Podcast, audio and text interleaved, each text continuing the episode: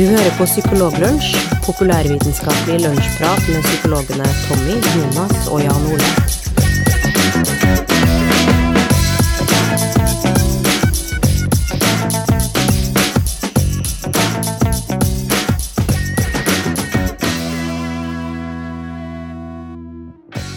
Hei og velkommen til en ny episode Psykologlunsj. Eh, og det her tror jeg blir eh, tidenes beste episode. For vet dere hvorfor? Nei. For i Psykologlunsj 66, ja da tar livet til. I Psykologlunsj 66, da gjør vi som vi vil. Ja, i Psykologlunsj 66, først da blir livet kult. I Psykologlunsj 66 skal vi trå til for fullt. Ja, velkommen! Velkommen! Ja, veldig, veldig bra, Jonas. Og det blir så bra episoder her. Og i Drøbak så har vi med oss eh, Jan Ole Ekstrastiftelsen Hertzelberg. Det har vi. Og i Malvik Nei, på eh, Meråker, tenkte jeg skulle si. Melhus har vi Tommy, eh, Tommy Åndesmakt Mangerud. Eh, og her i Malvik er Jonas eh, Idol Våg. Eh, som nettopp har eh, Jeg lovte jo jeg skulle introdusere eller synge en Wenche Myhre-sang, så beklager, da. Og hvis folk har skrudd av, eh, så er det synd for dem. Men hvis du kjenner noen som skrudde av, og du fortsatt hører på episoden, så si til dem at de kan spole bare et halvt minutt fram i episoden, så slipper de sang. I dag så har vi et, et fullstappa program. Jan Ole skal snakke om noe forskningsgreier, og Tommy skal snakke om nyttårsforsett. Eh, Tommy, eh, hva var det du ville ha meldt oss? Nei, eh, jeg tenkte nå Det er jo fortsatt relativt tidlig på året, så jeg merker jo at det her med nyttårsforsett fortsatt er aktuelt. Eller kanskje i, det, det er kanskje sånn omtrent rundt den tida her at, begynner, at det har begynt å rakne for folk. Eh, jeg vet, har, har dere noen nyttårsforsett, gutter? Jeg hadde altså ikke sånn veldig klart definert uh, forsett akkurat, men uh, kanskje spise litt mindre junk. Det er det, man blir ganske metta på det i løpet av jula. Ja. Men litt mindre junk. Litt mindre. Men det er jo ikke verre enn at jeg spiste en stor burgertallerken i dag, da. Enn du, Jonas? Du, jeg skulle gå litt mer på ski, tenkte jeg. Eh, Ja. Og da, eh, nå i går så kjøpte jeg meg smørebenk og eh, strykejern. Gjorde du det? Ja, og glider og alt mulig sånn ting og tang. da. Så jeg laga meg egen, egen smørebu. Og det, jeg, brukt, jeg tror jeg har brukt sju timer på å preparere mine egne ski og ungene sine og min samboer Berthe sine. Eh, Og så i dag dro vi på skitur. Og det var den verste skien jeg noen gang har hatt. det er fordi du har tukla med de sjøl, vet du, Jonas. Nei, Så det, så um, det å eh, kjøpe smørefritt og bare begynne å gå, i stedet for å liksom gjøre det opp til noen sånn grandiose greier, sånn som jeg begynte med i går, da. Men det, dere, dere belyser jo egentlig litt eh, de ulike variantene, tror jeg det går an å ha nyttårsforsett. da. Eh, det, det er sånn gå all in, som kanskje eh, Eller Jonas som på en måte tar den helt ut og kjøper alt utstyret og har egentlig lagt opp planer, da. Eh, og så la jeg da merke til at eh, Jan Ole sier at han eh, skal spise litt mindre junk. Ja, Ikke du kan, egentlig, du kan vel egentlig kalle det en litt sånn intensjonsavtale, bare. Ja. En sånn løs intensjonsavtale. Ja, ikke sant? For, for du sa jo ikke at du skulle eh, avstå fra eh, alt av sukker, på en måte. Tilsatt sukker eller eh, fett eller noe sånt. noe. Fordi det som ofte skjer eh, det, altså det, det er veldig mange som eh, har en form for nyttårsforsett, og det er vel også antakeligvis rimelig å anta at de aller fleste lykkes heller dårlig med å, med å følge de, da. Så det som, eh, det som er eh, en veldig vanlig eh, felle, det er jo den her, om vi skal kalle det optimism bias, som vi har vært litt innpå noen gang før, eller noen eh, omtaler det også som en slags sånn false hope syndrome. Altså det at man eh, har litt for stor tro på at man eh, På at det å endre på seg sjøl er veldig lett.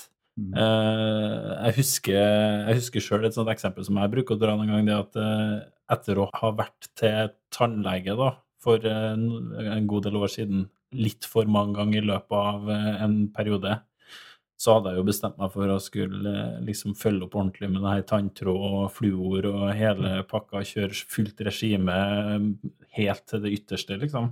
Ja. Og det er jo sånn rutine som er sånn vanskelig å få implementert, da. Det tok liksom litt lengre tid enn det man kanskje tror. Hvordan eh, driver man tannpleie helt til det ytterste? Det har jeg bestandig lurt på. ja, det, det er hver time, da. Det, du, du går egentlig med en sånn der uh, tanntråd hengende ut på, i munnvika hele tida. Du kan bare, Når som helst så kan du ta en sånn runde. Uh, eller, eller det her med trening, da. Det er jo kanskje det som er litt sånn typisk, at man skal trene fire ganger i uka, eller hva det nå er. Eh, og så viser det seg at det er kanskje litt vanskelig. Så Jeg bare tenkte jeg skulle diskutere litt med dere om dere har noen tanker om hva er, den, hva er en ideell måte å, å endre atferd på? Altså Hvordan skal man gå frem hvis man ønsker å lykkes med f.eks. et nyttårsforsett? da? Eh, tenker dere at det er lurt å ha moderate mål, sånn som eh, Jan Ole gjør her, eller bør man ha sånn fullstendig enten-eller-variant? Eh, Det ene utelukker vel ikke det andre. Nei, det er Eh, sant. Du kan jo, du kan jo ha et eh, moderat eh, mål som er eh, eh, sånn For eksempel, et moderat mål ville være å, å eh, kutte ned på gulrotspising. Eh, og, så, og så lager du en enten-eller-regel som er sånn jeg skal, jeg skal ikke spise noe. Det er jo et moderat mål, for det er ganske Mm. overkommelig, men det er, det er et sånn enten-eller. Ja. En klar cutoff, da. Men jeg, jeg, sånn i utgangspunktet vil jeg jo tro at det er lurt å ikke legge lista altfor høyt. Hvor eh, fort er det egentlig eh, nyttårsforsettene eh, eh, liksom eh, brytes? Er det, er det gjort noe på det? Vet dere det? Ja, Visstnok så er det da altså um, 25% av de som har uh, satt seg nyttårsforsett, de, eh, de eh, har mista gnisten etter ca. sju dager. Så Det er- er, det er ganske dårlig odds. Ja. Men det, det er ganske fascinerende, fordi jeg driver jo jeg driver og sykler en del, og så eh, på, i, nå som det er vinter, så er jeg ikke så like mye ute, men en god del inne, inne spin, på spinningtimer, da. Mm. Eh, Og på mitt eh, lokale treningssenter, der var det, der var det breddfullt den 2. desember. Ja. Og breddfullt den 3. desember. Eh, Men allerede den 4. desember så var det ganske, begynt å bli ganske glissent, altså. Mm. Ja. Det var, det, det, er, eh, det var utrolig fascinerende. Det, det, og nå er det jo nå er det bare halvfullt. Men det, Ja. men det kan jo hende altså, Det at det tyntes ut den 4. desember, var jo sikkert fordi at eh, flere begynte å kjøpe julegaver eh, og fikk det travelt med det. Mens, Ja, helt sikkert. Ja, men det var ikke 4. januar du mente, egentlig? Ja, ja, det var, ja selvfølgelig. Selvfølgelig. Selvfølgelig. Men eh, og for, for å ta litt med andre tall på det, da, så er det er noen anslag det er at det, det er ca. 92% da, av de som setter seg nyttårsforsett, som ikke greier å, å fullføre det, da, eller gå gjennom med det. Ja.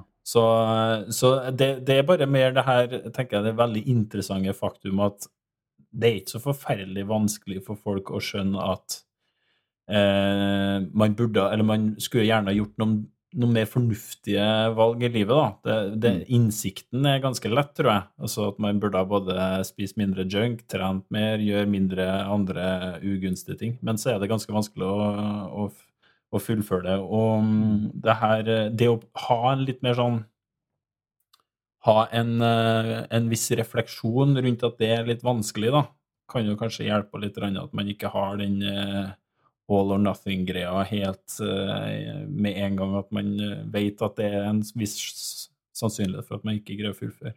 Det er jo interessant å undersøke om, eh, om hvorvidt det å sette seg et forsett når det ikke er nyttårsaften, vil det Ja. kanskje vare lenger enn eh, hvis du setter akkurat på nyttårsaften. Det virker jo sånn, litt sånn eh, påtrengt, akkurat de eh, forsettene der, gjør de det? Ja, absolutt. Er det sånn at forsettene eh, er bedre, altså varer lenger nå, ettersom vi har sosiale medier og Facebook og sånne ting? Eh, Det er jo veldig mange som deler forsettene sine der. Eh, Ja, det, det har eh, Jeg har lest noen artikler på det der, og det er ikke nødvendigvis sånn at det der å dele de i offentligheten gjør at man klarer det bedre. Det er faktisk også til og med noen studier som antyder at det minker sannsynligheten for å få det til. ja. Mm. Du, kan, kan det ha noe med at For når du deler det, så trykker jo ekstremt mange på liker med en gang.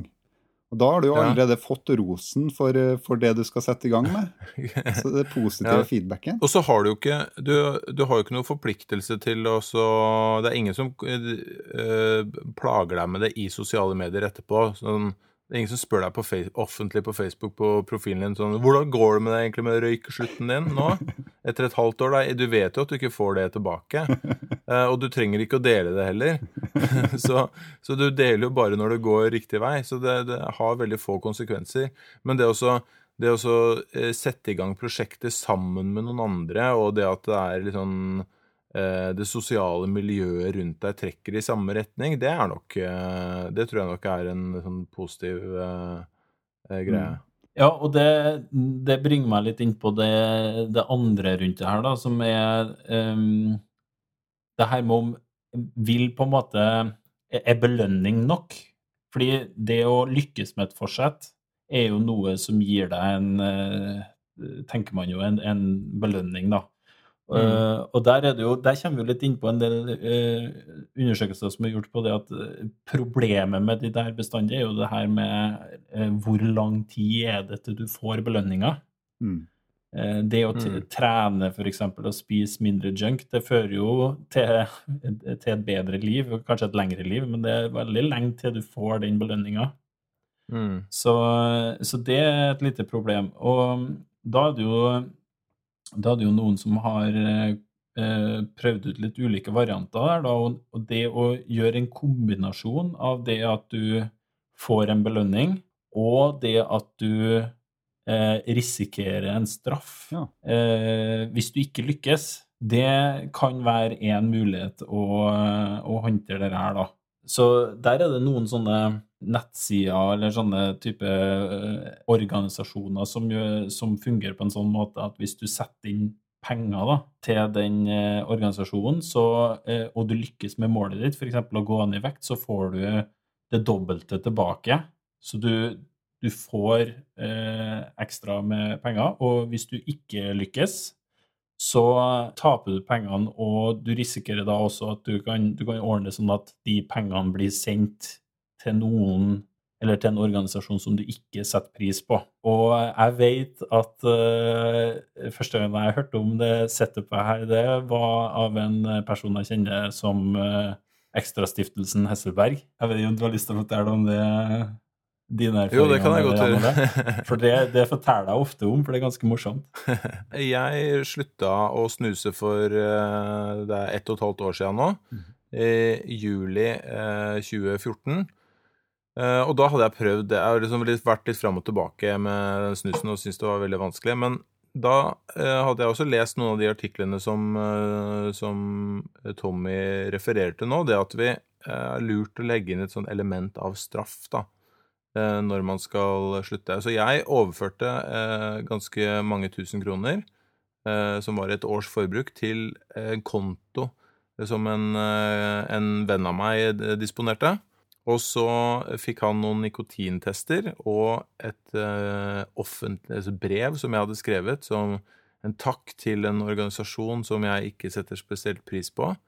Eh, hvor det sto 'Dette er en gave fra meg til dere, og tusen takk for den fantastiske jobben dere gjør for eh, fedrelandet Norge', og ja, Og så uh, trappa jeg ned. Og så, eh, hvis noen tok meg og snuse i løpet av eh, den perioden, så skulle de pengene overføres. Og hvis ikke, så fikk jeg alle de pengene tilbake. Og det fikk jeg jo etter et år, da. Oi.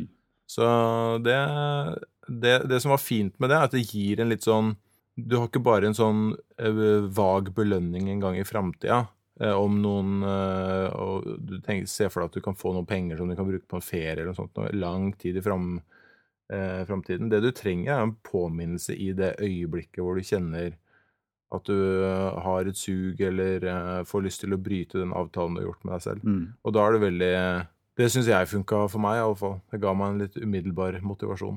Og det som er så fint med det, jeg tenker jeg, er at den kombinerer litt sånn to ting vi vet om den menneskelige syke. Det ene er det her, det her med sånn eh, at vi er veldig lite glad i å tape noe som vi allerede har. Mm. Altså, for det var jo dine egne penger, så vi, man syns ikke noe særlig om å på en måte kaste de pengene bare bort på noe så Mm. unødvendig som en prissnus. Eh, og det andre er jo det at vi setter mer pris på penger som vi får eh, utafor det vanlige, på en måte. For de pengene du da har satt av, når du får de tilbake, så har vi litt sånn lettere for å tenke at det her er penger som jeg kan unne meg å og liksom sette pris på meg sjøl, på en måte. Bruke det, kjøpe meg noe jeg virkelig har lyst på.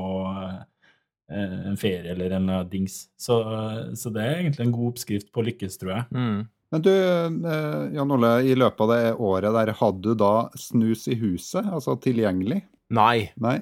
Det hadde jeg ikke. Og det er jo eh, det er noe som jeg eh, Når folk spør meg om dette, så tenker jeg at det er en ganske viktig del av det å klare å, eh, å bryte vaner, er å ikke ha ikke, altså minimere mulighetene for å faktisk bryte de vanene. Sant? Så hvis du skal slutte å spise eh, godteri, så bør du ikke ha huset ditt fullt av godteri. Eller hvis du skal eh, slutte å snuse, så bør du ikke ha en snusboks eh, i hvert hjørne av huset. Ja, for det, det er fascinerende. Det- har jeg jo observert da, flere ganger. Sånn, eh, det, det godteriløftet der, f.eks. At, eh, at det er jo ikke før du liksom fjerner alt i huset, altså at eh, du lar være å kjøpe inn og sånn, at, at det funker ordentlig. da. Mm. Ja, og der har du litt igjen den her litt sånn fascinerende tiltroen folk har til sin egen ryggrad. Sånn, da tenker jeg Mhm. mennesker som gruppe. At, at vi har nok en viss vi, vi, vi,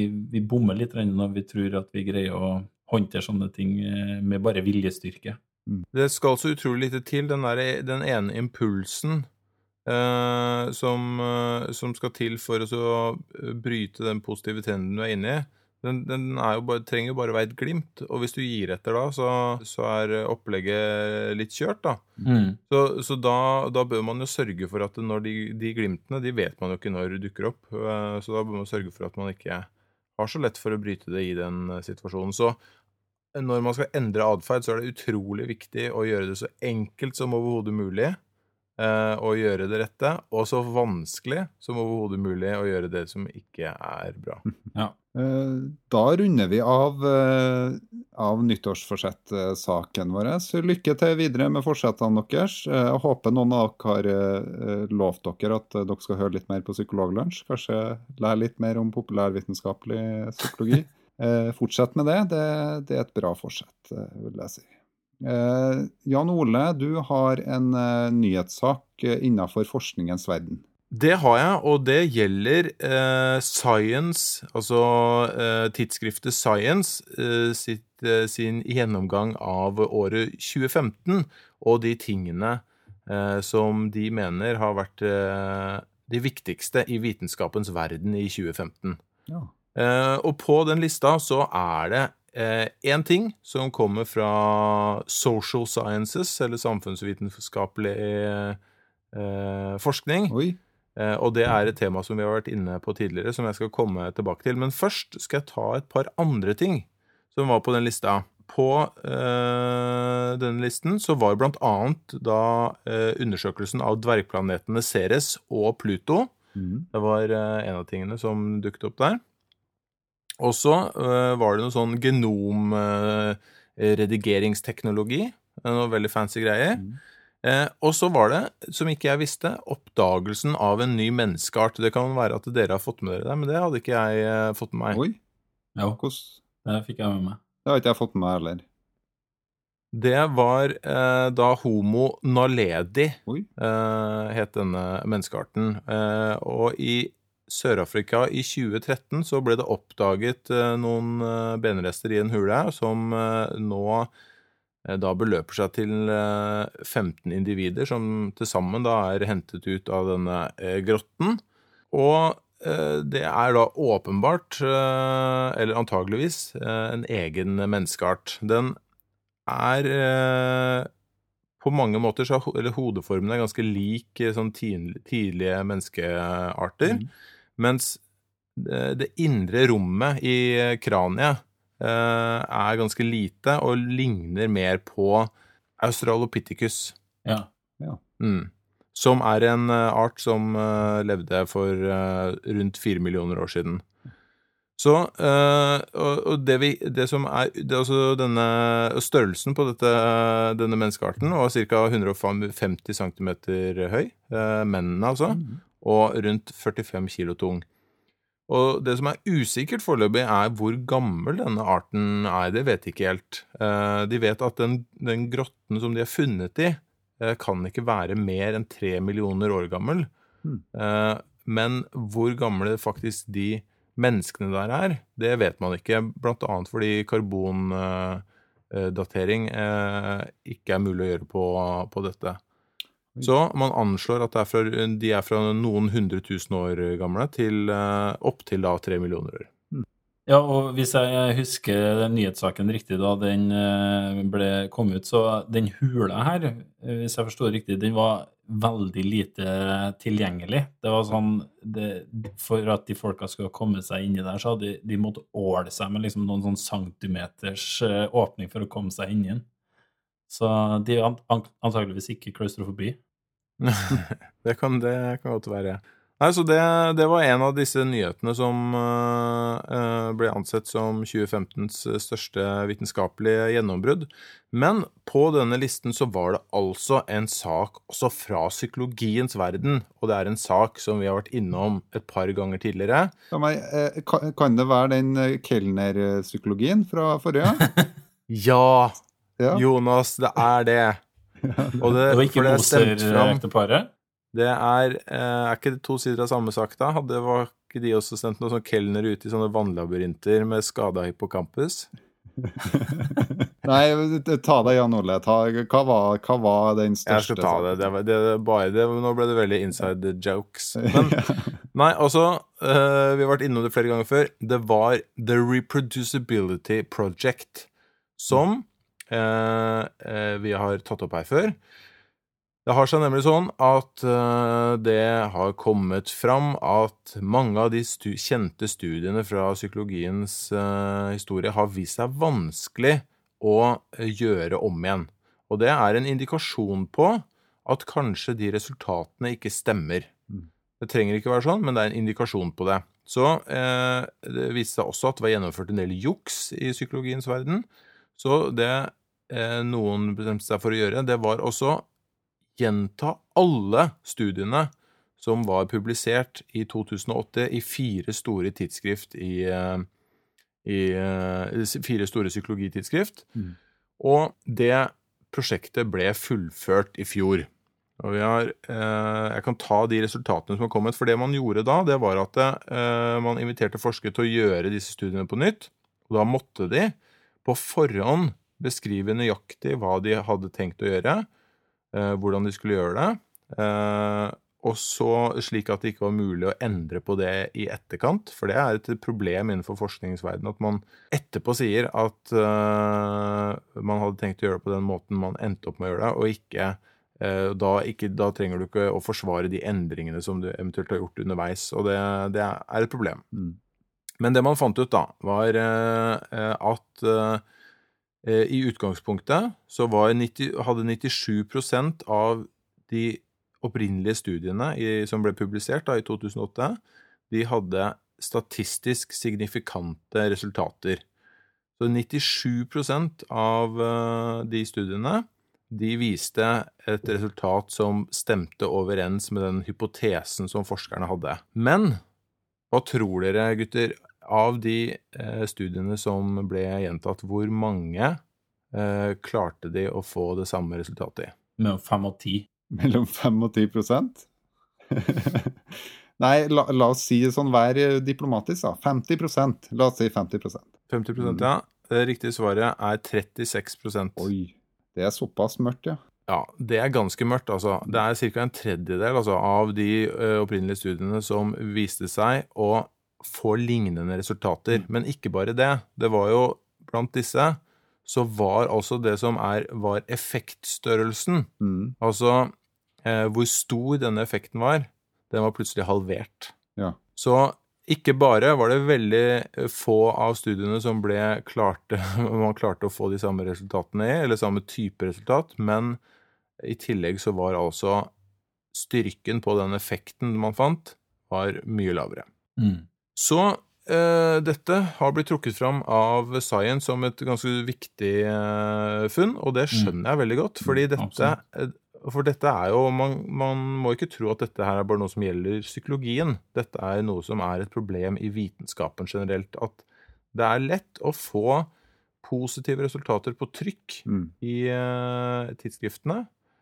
Eh, og så er det, hvis det ikke er et godt system for å få andre forskere til å teste disse tingene på nytt igjen, helt uavhengig, så er det eh, gjerne sånn at eh, kanskje det blir et mye større problem enn det burde være. For det er jo en sentral del av god vitenskap, er altså å gjøre ting på nytt igjen. Mm. Så jeg blir litt sånn, jeg blir litt sånn ordentlig glad inni meg av dette prosjektet. Det kjenner jeg.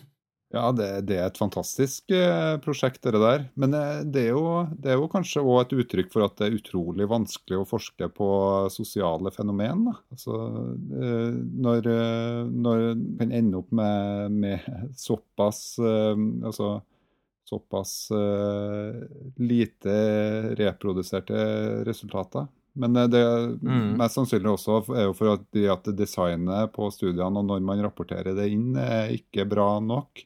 Man må ha en opprydning der. Men, men kanskje også at, eh, at sosiale fenomen krever at det krever mye mer stringent forskning da, for, å, for å kunne replikere det. Kjenner du til om det er gjort noe lignende prosjekt i andre fagområder? For at eh, jeg tenker det er jo kanskje sånn at ø, psykologi blir det første man tenker på, fordi man antar at det er en sånn del sånne svakheter eh, i psykologien, og det da er. Men eh, er det noe lignende prosjekt for eh, medisin og biologi, f.eks.? Altså de kanskje litt mer eh, mykere delene av, eh, av eh, vitenskapen, da? I den størrelsesorden som eh, er gjort i dette tilfellet, det kjenner jeg ikke til at det er gjort noen andre, eh, innenfor noen andre fagområder. Men eh, i 2014 så publiserte en som heter eh, Glenn Bedgley, eh, sine forsøk på å repetere 53 sentrale funn innenfor kreftforskningen. Eh, og han fant ut da at eh, Eller han var ikke i stand til å eh, få de samme resultatene i 47 av disse 53 tilfellene. Yes. Oi. Så det er ingen tvil om at dette er et, et gjennomgående problem i vitenskapen. Og vi vet jo også fra medikamentellforskning eh, så har det vært et stort problem. Og denne, eh, denne kampanjen til den eh, britiske legen Ben Goldacre, som heter All Trials, Mm. Ja. eh, har jo eh, handlet om at vi må få tilgang til alle dataene som samles inn når man gjør studier. fordi det som veldig ofte skjer, er at eh, man gjennomfører eh, forsøkene sine, og så får man, er det flere forsøk som viser at man ikke får noe positivt resultat, og så legger man de bort. Man legger det til side. Ja. Og så publiserer man bare de positive resultatene man får. Og det er, har vært et stort problem innenfor eh, forskning på medikamenter. eh, hvor, hvor, som har hatt dødelige utfall også, altså. Det, det er det ingen tvil om. Så det mange tar til orde for, er at man som forsker, når man skal forske, så eh, må man publisere alt man gjør.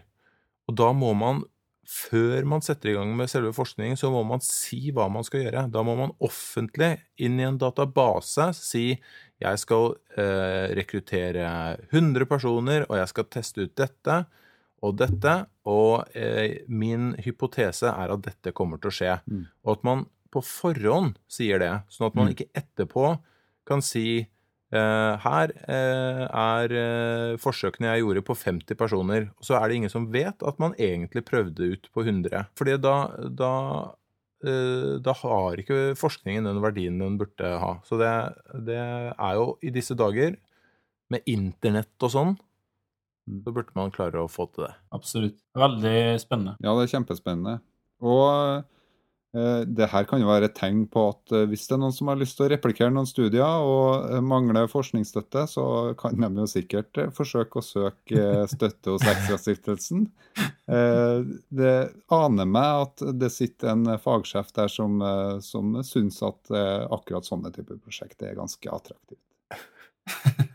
Bare, bare, for å, bare for å understreke det for en potensiell lytter, så er heldigvis ikke eh, eh, tildelingen av disse midlene organisert på den måten at enkeltpersoner sitter og gir penger til det de syns er morsomt. Men det går an å forsøke å sende en mail til psykologlunsj at gmail.com. Eh, Vi takker for at dere hørte på episoden, at dere ikke skrudde av rett etter eh, lille strofen jeg kom med. Eh, Vi håper at dere følger med i, også i episode 67. Eh, Det har jeg hørt det skal være en klassiker. Takk for i dag.